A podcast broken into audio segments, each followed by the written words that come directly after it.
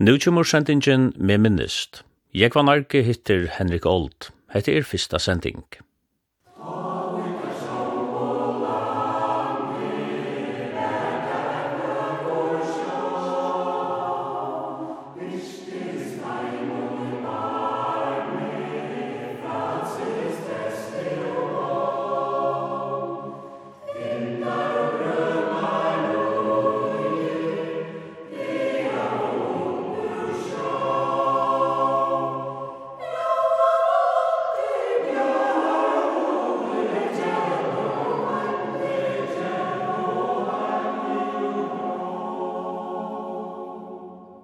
i dag er Henrik Old ur Vaje, Chester og Meminist. Og Henrik, jeg har ho til at uh, konstatera fyrst at du er føtter og oppvaksen i Vaje. Ja, det er pura rett, ja. Jeg er føtter 20. juni i 24. Og det som selvfølgelig hendte, det var en, en buldrastig begynninger, at mamma min døg i annan dag enn etter jeg var føtter, og så stod vi her, altså hun var gift i en åndsmann som heter William Dennis Connerold, ble røpte for Bill, og han var i Royal Air Force, og var av Lorentstøyene i Etchenon, og gjerne tog her reisen nok så fitt 18, særlig 18 krutsi, det gifte som hest i 46, og atlane var nok han som jeg skilte som det ofte han har vært, det var tver ærer som giftes, en som Hilda Peters, og Tina Patt vi Krajer, hun giftes og får til Urlands, og Hilda gifte så får ni til Ånglands. Og som jeg skilte så var talan om at jeg og jeg var godt og vel kommet til verina og var før for jeg ble slotter, så var atlan at jeg skulle flyta ni til Ånglands. Men jeg tog at uh, mamma min dør til jeg ble føtter, så selvfølgelig ble jeg til nek. Og pappen min uh, flottet så nyr at jeg tog at han var. Han var i Royal Airfart og hette Beintat han har krutsi og tar skulle så begynne atter, han kunne ikke bli gangen med og i. Så at han flott oss nere atter. Jeg var føtter inne ikke at de eldste mamma sitt nære. Mamma med, de var tjej syskjen, og den eldste enka, hun var født i 1895, og mamma min Henrikka, hun var født i 1918. Og det var så en diskusjon om hver jeg skulle bli verande, eller hver jeg skulle være. Enka åtte andre bøtt, og var gift til Johannes, han som var råpte for Johannes Løyne, kokkeren Løyne ble han eisen oppte. Tei heimi så begynner vi, tei var så et synder av Iva. Amma min i Anglandi, hon skriva i nok til, til mamma min, eller til faste mamma min Inge, at han var føtter, om hver jeg skulle være. Hon ville gjerne at jeg kom her, det var ikke henne, men hon er tosset nok i pappa min, og han sier at de heide ulla godt uh, tja Inki og Kotsjena, at hvis de vil de heva mer, så helt han at det var en, en god løsning. Så tilboar amma min Englandi og Inka skriva i sina mittlum, nok så nok. Tog betre hvordan gott alt det samskifti. Så jeg kan sørge i det hva i det jeg var diskutera. Og nyestående omma i Englandi er han at eftersom hon tar vi pappa, men så heldur hon at hvis Inka og kokkeren uh, Johannes ville heva meg, så, så skal jeg bli verande her.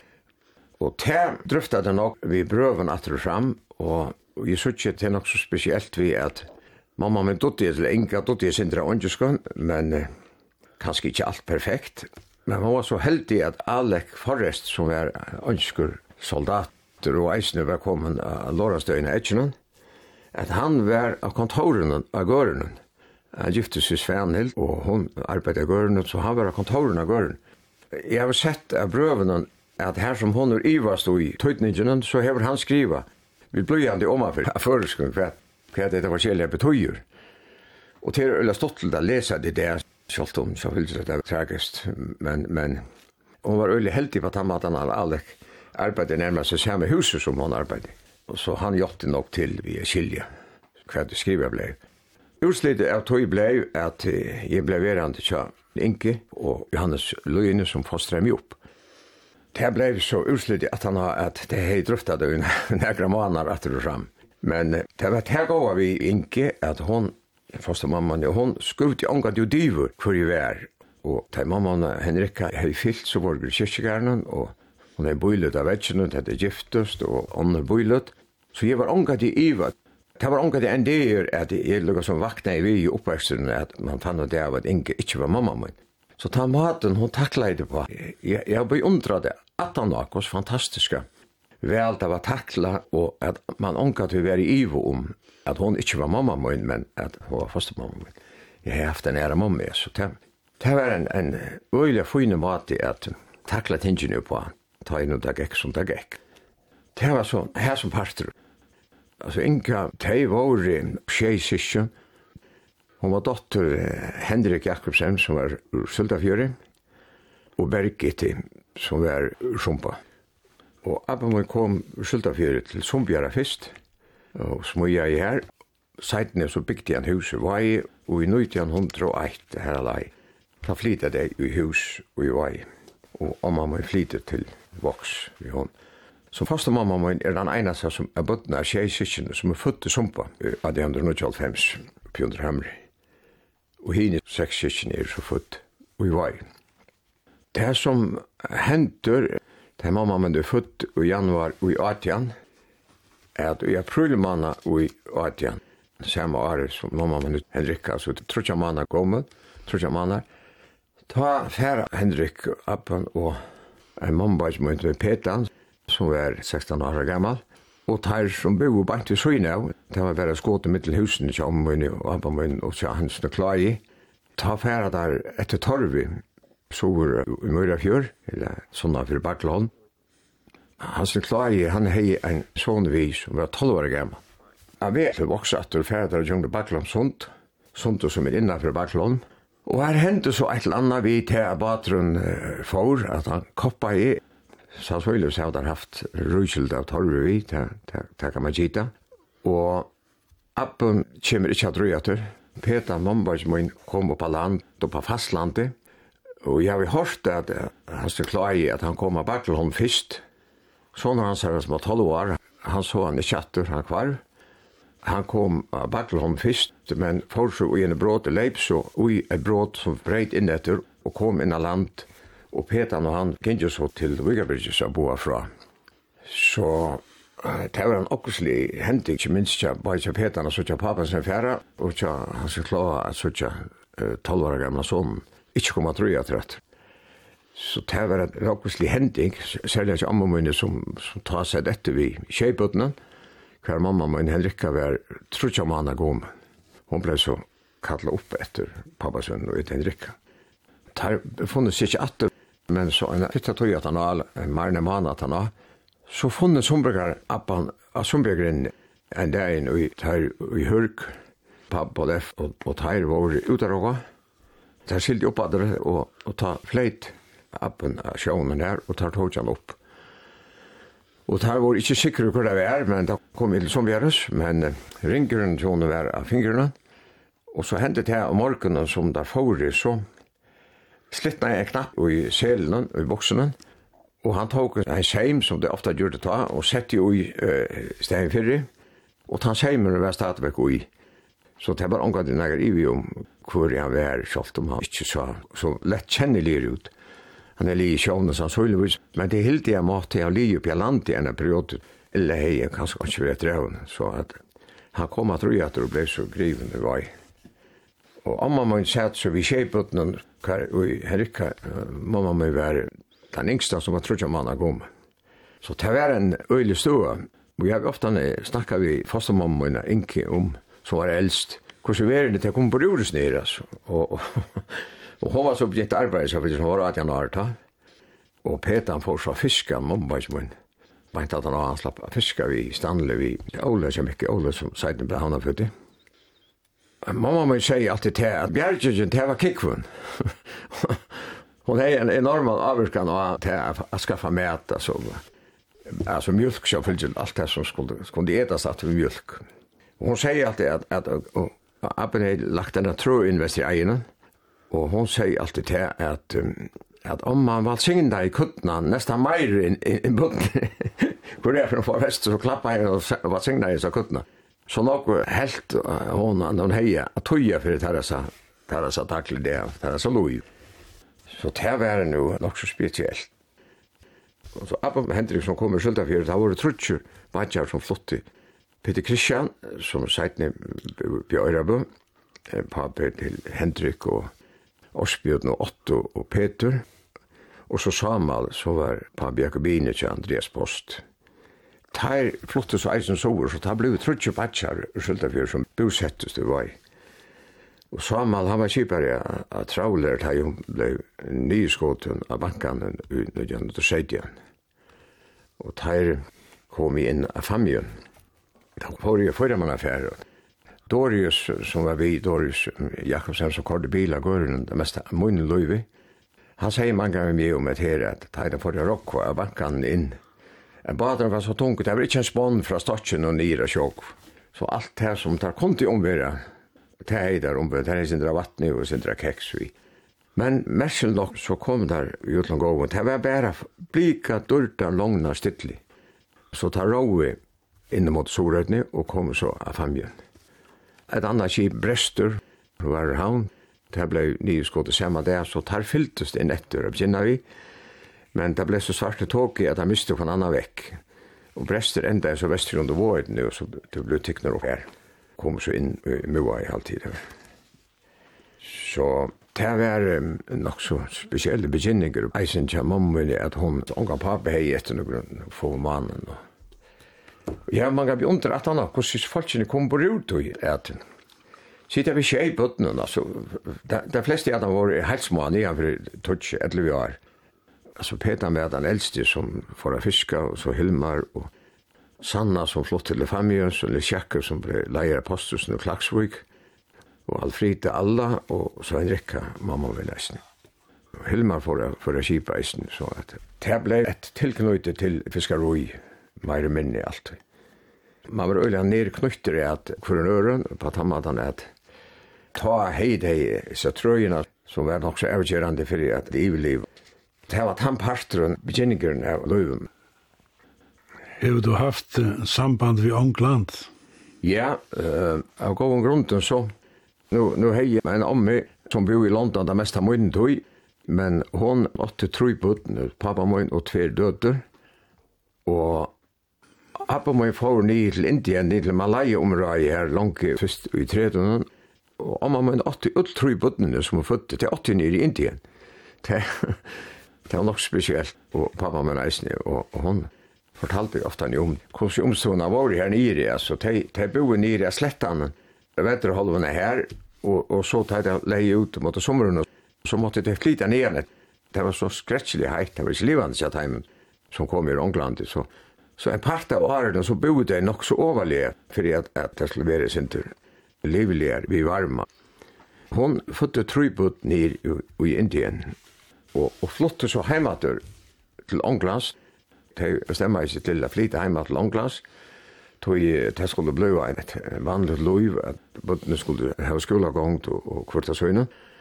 Og tar som var i Real Air Force, tar, tar hei ikke fast, altså der bor närmast ångast fast tog att det var alla tøyna ve också. Det blev flottor allt etter hur situationen var i, i hemmen och som ångsmän var alla snart. Det blev center till altså. Så amma man flott till heimater i Nutsch vi till London. Men det gick bara ett halvt år. Det gick inte så bred ut så fikk jeg upp en bo om att färra nira til Indien. Och han var vekk i tjej år. amma må så han inte i tjej år og sett så vi bøtten her i, i Anklandi, det var blevet nok så vaksa. Det sier jo ikke vi igjen her, hvordan det var, ja, men det var bare krutsk, og det måtte man bare leve vi, det var ikke snakk om det. Så løs var bare veren og innretta, og, og det måtte jo også bare tega vi. Men, men, det er så oppe om jeg kom hjemme, så lukte jeg bare noen foratræd, til jeg så han ångat vi. Han døg jo så teg var smadrung. Ommene har jeg haft ulla nok samskifte vi, og man min giftest opphatter en fyra år at han, at han var kom nere til Ånglands. Og jeg har ikke nok samband.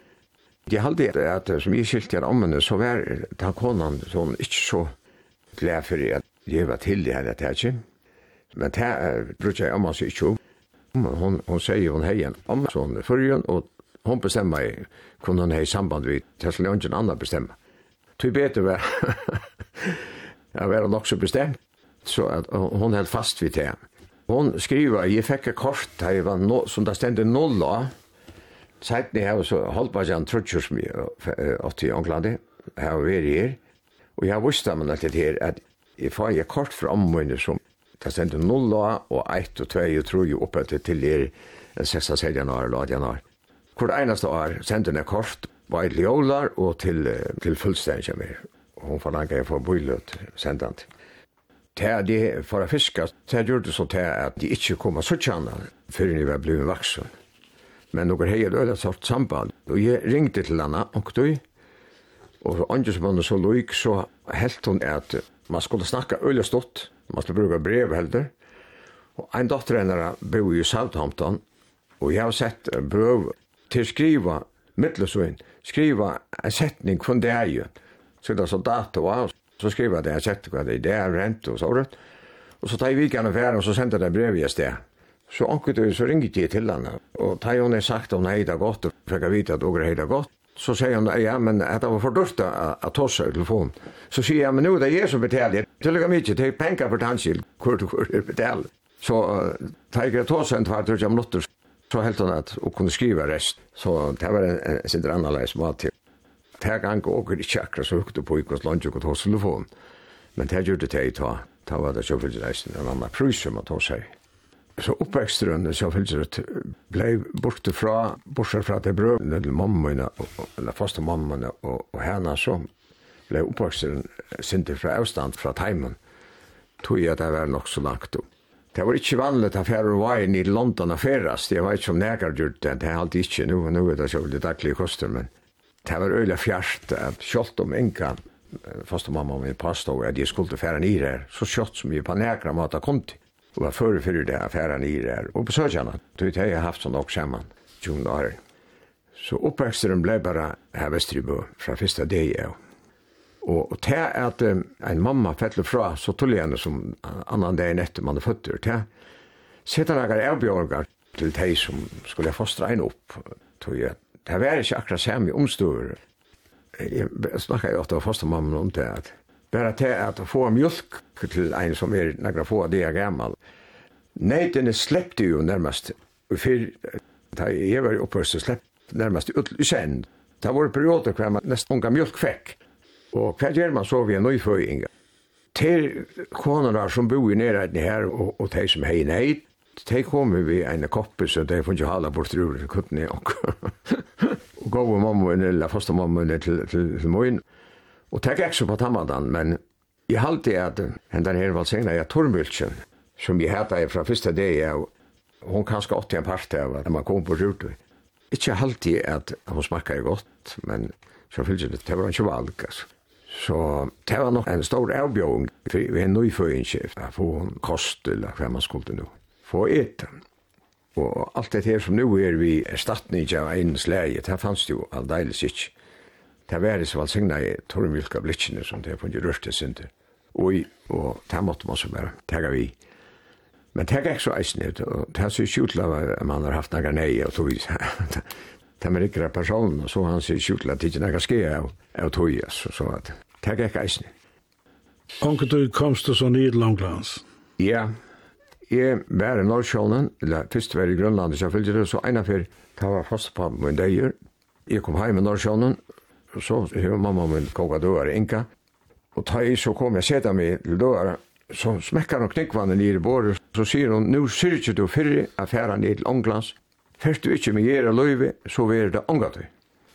Nå, jeg gikk vakkes inn i vid, tror jeg at det var ikke vanlig at hun var så avgjørt, selv om hun var nok så bestemt i noen fører. Og jeg måtte rinja, jeg var forlova av å ta vi Elsbeth, og jeg måtte rinja til havna til Elsbeth og be henne om han signa jeg.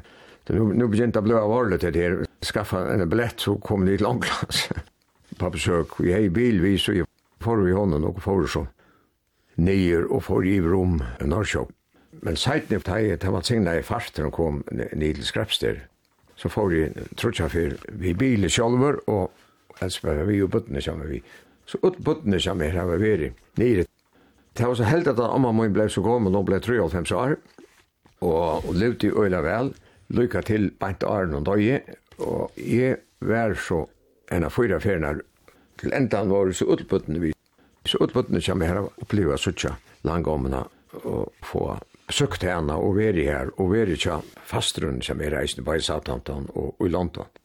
Så det var øyla, øyla funnet at man gjør det til å ta I sinde banje fyrir, hvis hun ikke er så avgjort, enka, han der igjen, så heit det kanskje blei en løtta. Jeg tror at jeg var bortri alla samletøyene, og var ongat i heima, var ohyrla nok bortri. Tror jeg har sett mønstringene ta, men bogen is Ola Breckman om Eila Jakobsen, at her skriver han om at Samal Baja Eiler som var kipar av Norborg, at teir våre mønstreier og 300 og 340 der, skriver han her, og to teger Anjan Løyborg som er 345 der. Så tar du vært bort til 345 der, så er det ikke nok tog til å fære færast vi, hvis man skal være en der hjemme. Så gudskelov at hon var nok så avgjort, og, og smekka enn Evan Borg og sier, nå skulle de færast det, tog jeg hon fulgte til at hon, hon så fulgte ut ikke alle rever. Hon er nok så sikker at de ikke får, hvis, hvis de ikke var. Så det var funnet, veldig funnet. Og hvordan var det Nei, det var en øyla stort opplevelse. Jeg halte det her måtte ganga det mest av en halv, la mer enn en halv tøyme, hver om man ikke fikk sagt, og og jeg heller ikke fikk sagt. Du så det, helt i hånden der på nøren, og det meste av en tøyme, Aren hun fikk snakka, at hun kom oppleva til at hennes ammasoner kom og enda vi onkel Butten og Neisne. Ta vi her dottrenar i huset sammen vi inne, den ene som er Kila, til vår bojus og saman, hon i fyrir at åka skulle færa vi bilen. Jeg korti, sjálfur jeg i bil vi, jeg korti og skulle færa ned til Saldantan til disse fastemøyne eisen på besøk. Og hendan her Kila, hon var nok så rå og rykt, og hon skulle sita å bestemma hva skulle køyrast. Og amma må säga, nu tid ut hur att ta det var klara kort in i London, så langa vi bare i Danmark og alla. Så må greisen klara att det är pett. Så nu, nu lär vi han bestämma som, som vi chaufför. Så jeg bare nagaderer her reisende. jo. Og amma må jeg få rundt vi med reageren her til handelsmannen som hun er kjøpt fra, og til de som bor nere vi. Hette var han ammasonen som hun er snakket som nok om. Nå er han altså her. Så jeg skulle lukka som vises fram alle snart. Det var, det var, det var, det var veldig spesielt at oppleve det. Og han mottøk han, eisen fra heimen som bor rundt han om han, hun bor i en sånn, sånn rettjehus, altså hvordan blöjde var och glädje var för att hon har upplevt det, att att så kände om sånn, det, det var väldigt speciellt att uppleva det. Så hon blev till bedre som nevnte 5 år, så utbudene kommer kom jag på söka lång om och uppleva henne. Som var en bestämd dama och och och inte packa in inn som hon hej säger. Det var det var hon. Det stort upplevelse, øyla stort upplevelse. Du nevnte at du hei hitt tunnar Trudjar halvbrøver. Ja, det var så løsner at så pappa min døg da jeg gikk Kibra skola og i 1971 og som var det bare en eksamen. Så han sa jo unga det etter og heldre ikke henne at at hun var ikke ordentlig vi på etter som mamma min var nok så avkjørt om. Da eldste var flåskipere til Røya Lerfort, altså Martin, han var flåskipere til Røya Lerfort og han hei samband nok vi omsyn at han flei ut fra London så var han her til omsyn. Og jeg så han første ferien i London, jeg kvulti og køyre fra Skrapster og Soretter. Da jeg kom inn mot London, så hildi jeg at jeg klokka ble nok sånn og seks halv og tjei, at bare teg en løti jeg køyre. så fann jeg et hotell, så jeg fanns ringe til ammoen og sier vi igjen at jeg helt at dere ikke kommer før i morgenare inn til London. Hun sier, nei, du skal køyre nå, og det skal være beinlai, beint til London til morgen. Ja, ok, jeg sier det. Vi elsker det. Jeg vet ikke om nattla sig dodja nu, klokka det. Så hon så avgjorde och klockan det. Så måtte jeg bare fære sted, og da jeg så kom til husen till henne. Så stendte hun ut i tunen og vi er en med i søgnevne som er stor og, og väl vuxen. Älskar sig beina vi mig. Hade hundra procent sikker badstund. Ongen i vi.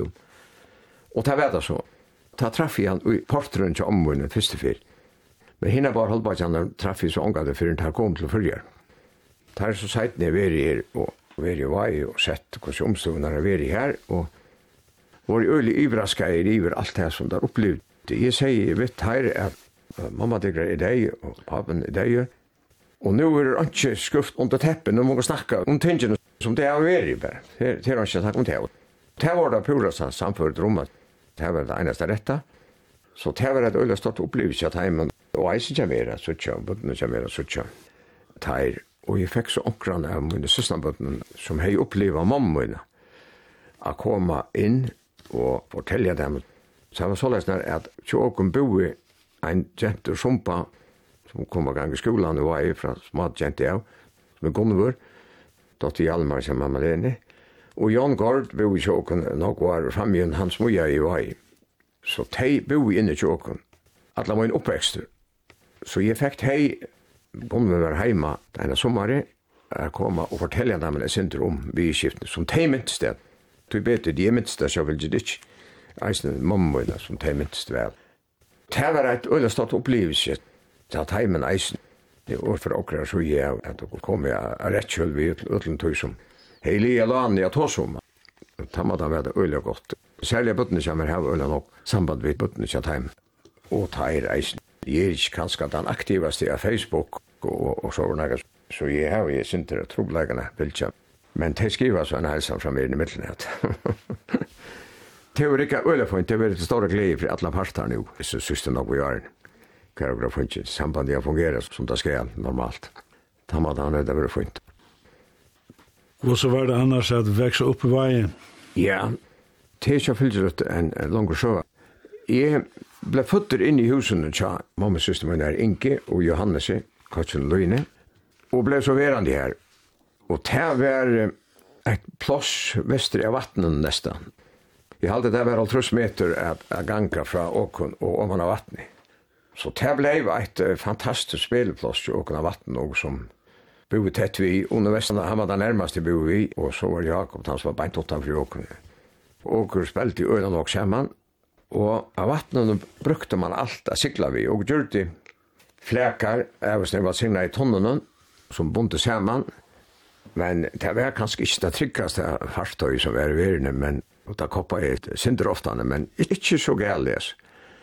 Men det som jeg og man kan huske om at han er at det som var så underlig, Ongen av åken som var i av vattnen daglige, og av gærabrik daglige, ongen av åken dotti å svimme, eit et einasta, eit eikas, Så tanskil heik dotter sjokk, kvel annars då, så heik drukna åtta nære diskussionas.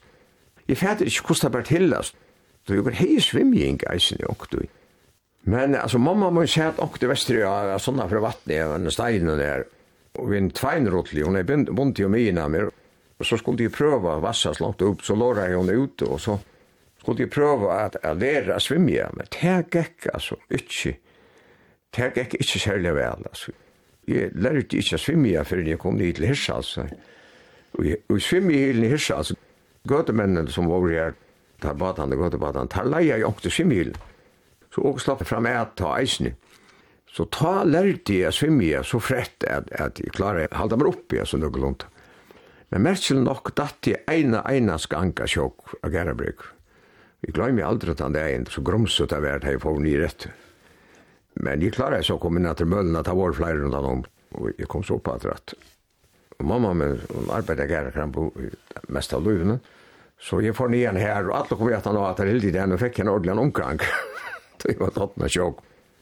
Og han kjøpte meg en temo, og jeg kom til Røy, og så ble Korte Vestre skiftet klær, og så var det han så ferdig. Men, men, men det er matar, altså, brukte jeg øyelig tog å spille vatten. Helt øyelig noe tog og spela fotboll og kjegar og santen. Men det kom så meira tog til man får i skolan, men hini er den beste her. Altså, da jeg ble føtter, så, så får mamma min urgærakrambo i tvei år til å passa meg. Og jeg spurte han okti om det, hvordan det ble til, og hun sier at det var jo bare en, en halv halvanlig fiskemann inntøk etter, så. Men det er ikke eisen, sier hun. Det var det, var det eneste. Hun sier meg, hun er nye og lærte seg med i 20 Så hun sier meg øyla nok, at han hun kommer krampen i en kulti. Så det var øyla langer arbeidstid. Fyrst var gæra krampen fra klant 8 morgen til klant 6 og kulti. Og da jeg så kom heim og kulti, så sier meg en forskjellet. Mittel anna utlei fiskaflutjene som gæra menn brukte at, at flagga vi alt etter hver og vi nu enn fiskarbeid var. Det er var så løsner at vestar enda gæra krampen her. Da jeg fisk skulle vaska, så var det kvitt og svart plagg kort opp Så sa vi til som vaska i fisk hva det skulle hava vi i gommestolen og svint i vannet lukt, og da vekret var godt, så var det kvitt flagg oppe til så var fisk og breit. Og så retta det sjette tog i hei lørskapar og det vi. Så alt, så var det nega seima jo med landa eisne og fyrir folk. Så det gikk så nok lunda vi, vi tog. Men, men daglig dyren, ja man kan huksa om det, daglig dyren, da man kom, kom ut av trappene om morgenen, så bestemmer jeg meg ikke til hva man får gjøre ta. Det var ønsken som rannet han av, og jeg gikk og negret vi. Og bestemmer jeg til at han kom ved trappen, nå foregår det vatten jeg spiller, eller foregår det gærbrygget, og man i åsan. nere i sant at jeg fanget et eller annet som her var. Men, men det var ikke nevnt, altså. Så mamma min arbeidde i gærkrampet, der papen var borte. Og jeg fikk henne søkt da jeg begynte, begynte å høre skolen. Og ofte han la hun nye gærbrygget, så ut i kanten. Det så ut som om var koppa og jeg var ferdig av blamman, men, men det var tog man var ferdig i en bad også. Og åker 80 en bad som la for tøy over ut for Garabruk som alle badene tar lov i. En bad som er et Arabo. Det var en bad som loja menner som brøyene kjøp fast på hva munnen hei 8 vestre voksa i. Og tar skiftet han ut og bygde en, let en bad bygde som der råtte for loja brøyer opp. Papen kjøpte så de arabo som man så tog heim om, og brukte seg råk ut estanfyrir, det er ikke var vi vestanfyrir. Det var jo skiftevis, nok bedre vi er råk ut av fjøren enn det var voksa i. Så det er pappa min for å sykla ved Merkuren, norr etter til havnar vi kåli og forskjellet, og dina øyri etter sandi hava sorat vi. Ta var det så vekk, på tvær, tror jeg det er. Og ta var frie, ta kunne de bruka det var signa i Arabo. Det var et tungere å få gang, men så sylte jeg går. Forskjellig er og fisker i kuing mest. Men, men sylte rundt inn i Labrarus, inn i Agnavik, jeg glopa, og så ut i Ukron, vi er jo, Mamma min er i Sistnabaden i Ukron, Elsa, og her var jeg oppe, og fikk funnet en, en temon. Og så lest der var dagligdyren. Patlaka vi åkte jo at her. Hvordan tungt det var å få den baten i gongt han skulle svinkas vid en svinkhjul och, och var ju så sterkere att du klarade det så väl. Det var en fyra hästa FM-motorer som bara til en hei. Så det stod ofta när jag får han runt och får han igång. Men jag har alltid rätt att nämna eisen i att en parter av baden och arren fyrk jag kväst i egen tar råg och dulig ut lojabröjer och flere gärre reisning vi som lojabröjer. Fast på mig fortalte til at ta i ut her funnet han tar hei først baten, da råver vi ikke, fyrir det. Og så skulle det få motor ene fyrir treten, og, og det var en diskusjon hva det skulle være for en, og det ble så en arkimedes motor, som hei ein og en halvan hest, det var ikke nokve, men eh, det var en øylig hjelp, og, og han sier at han første dagen, og alle brøyene var vi, altså Måre Løy, og Manni Løy, og, og Jakke, og en som er Gjene, som bo nere og så, så pappa i Tajta skulle pröva hända var signa i Polsmotoren. Så tar har vi alltid några tøk utom heltarna för jeg var fröjer av terrablån och allt det der. Så kommer hända låten Tajis motoren ska sättas gang og flere av dem var litt inte og och tar Lena sig nere i Araner. Här var inte gira motoren. Det här på gång så kort den bara färdig. Och Tajis så hända låten kommer det starta. Så starta motoren och tar sitta så hitcha ut om stotchen. Hvordan det ser ut? Jo, jo, det er ikke riktig at vi bor. og så vi er vi uh, leidar Aran. Det mest skeptiske var det siste som leid Aran inn, men, men det var så en kolvelting og det var så løyvi at få en motor. Seiten finnes det så en som er, han var tre hest, det det var jo en øyla stor monoram. Så åker gint og er nok vestra eier vi kaffe, Så der kom vi inn, og det der funnet der som ikke vel, at han kortet fisk opp om middagen og sånne, og passet seg å være ute i at rekjerrunden til nummer 2 i tur. Og, og ta inn jo vestvis av fløskum, og inn i håse vi kaffe og jo, seiten ble det så varme fløskur. Og jeg var sitte nok var tøyma vestri egen og boja. Så måtte håret larma som ikke utlandet, man Hvis det var några for i voksa i, så hørte man til Arnda kom i ontan, mulan, så hørte man godt, eller så at håren være vi. Så at um, Kjatheime vet jeg en øyla stor brøyding ut her, det funnet noen motorer. Og det funnet flere ære reisende. Men løy men det var øyla bra til å fiske. Og mamma min sier ofte han, hun håper i at det funnet så frett, at han ikke fikk mer. Så det var øyla ringelig, hvis ikke nekker jeg funnet mer. Altså. Tandien var ikke særlig stortligere, det kom til hus med sånn, jeg funnet mer. Det nevnte mamma min også at hon hoppar at, at han fungerar så frett at, at han ikke fikk mer. Så så var det vanligt. Så slev radio var der at, att fiska ut. Det romde han helt utrolig vel. Til plade jeg spela hvis jeg er innan. Ja, det er det som er, altså, det var den jag, man kan også om, altså, at hvordan jeg och spelat av oss. Det er bedre var det der vest västra innan, eh, tar som arbetade i gråbrotten. Hasse var formav för tog jag västra Så teir gjørte er jækla og en oktur, hvis det er heldig at det var for okkursliger. Det uke gynnsi under nesen iver om i skartjåk, og her var det eina pette åpen bort til middelen, så man fikk nesten bare tettnar i noe, det var en meter eller hva det var. For nær meir hintje armen enn enn en, en stov i beinen, og her gintje og man rera. Jeg fæt ikke, så fyllt det at lærer man nekka av tog, Så jag har inte folk var ansi etter og Mamma må vara krampone og og og og og och tar vår ut av han. Så det var inte som hei egen etter og nu. Och går flyger som inte väster egen. Och så med det var närmast spelplats närmast. Og onkur tog gjørt der er Jack Logan, der som arbeider i gråbroten. Der hildi og går blei om ikke grover, altså. Men det spilte merkelig vel, og onkur får av blaman nekran tog. Det undrar mig mangan att han är blivit vuxen. Det är sutt. Det är sutt hur det ser ut alltså kan jag grav inte om det. Det var en en parter av det men men eisen till att och begynte tolja ner att jag sköt han åt där till dömas. Jag var inte nämnt för att Hvis du grann ikke til døra en sånn der, så får pappa meg Vestereilen igjen fra her, fra Skarkjåk igjen fra, og noen granater, og så røkte han der, og så, så høyget jeg til døra, som det var en, en fornemme dør. Jeg halte at til vekt jeg nevnte at han tog meg vi atlasna, og, og jeg som baten og som grei Estanfyrens Arab, og så var det veldig ofte han i fjøren, ute av fjøren. Onkte fiskar en kovinkla bruka til utravar, og onkte du fiska ikke bare til husbruk. Så i påskaviken den ene fjerne, ta vær i en tolv år, her lei, där man också om kvart man brukar ha pengar till påskadöar nu. Alltså så skulle du kunna ha fäxt sig han till krätter anna då under påskaviken illa ta så och får ut om klivande på kyrkan han vill långt ut för påskyr och fanns ju såna grafiskar och så med han ständer så ser han här var den hicka trutje lomjar framför båt. Och han har nämligen så att rum och han skulle fram om han är en en bisch in i ruffen. Her lå hun, jeg vet ikke hva var hun lå her. Hun var så rusta. Men her var den, jeg brukte en annen kjøta vi alltid. Han traff øyla vel, og han domte vel av kjøta. Så han ordnet meg et rom, at sykla spekli, han skulle fram om å kjøta. Så skulle de sykla etter, som han sier, øyla spekli. Han hei tve patroner, og i seg taskene som han hei litt kjent i alt en sånn taska bort til seltuts. Her lå tve patroner, så sier han at her er om meg utenom for å få tveire, hvis snir, så jeg var verken dør. Så jeg skulle sikle etter som han sier, øyla spekler. Så ena før han helt at jeg var kommet så frett i en, så smekker han til, og tveir lommer meg love.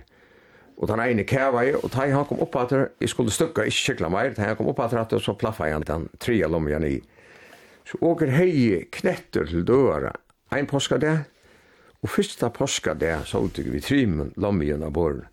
Og jeg halte där det kostet 2 liter bensin som, som kostar 20 liter og och gamla patroner. Jeg började också snacka med Johan Ingvard Olsen i Tinsen og sajten om det at han snackar om et helt sier at en sånne der vi en, en lammjön av våren det er en högst sånne dyr, da man har en lammjön dör altså, og det här, det här måste en rett og igjen. Hetta var en högtust dör i sin påska dör. så lukte det skulle til hvis man var heldig at få en, en gående dör.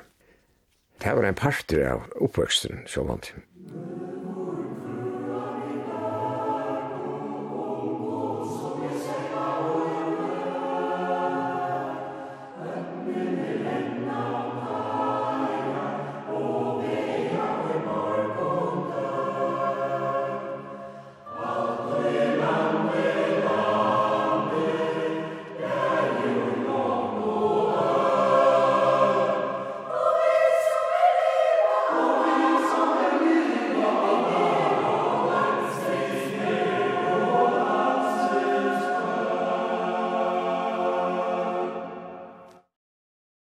Hatta vær med minnist. Jeg var narki hitte Henrik gold. Hetta var fyrsta sending.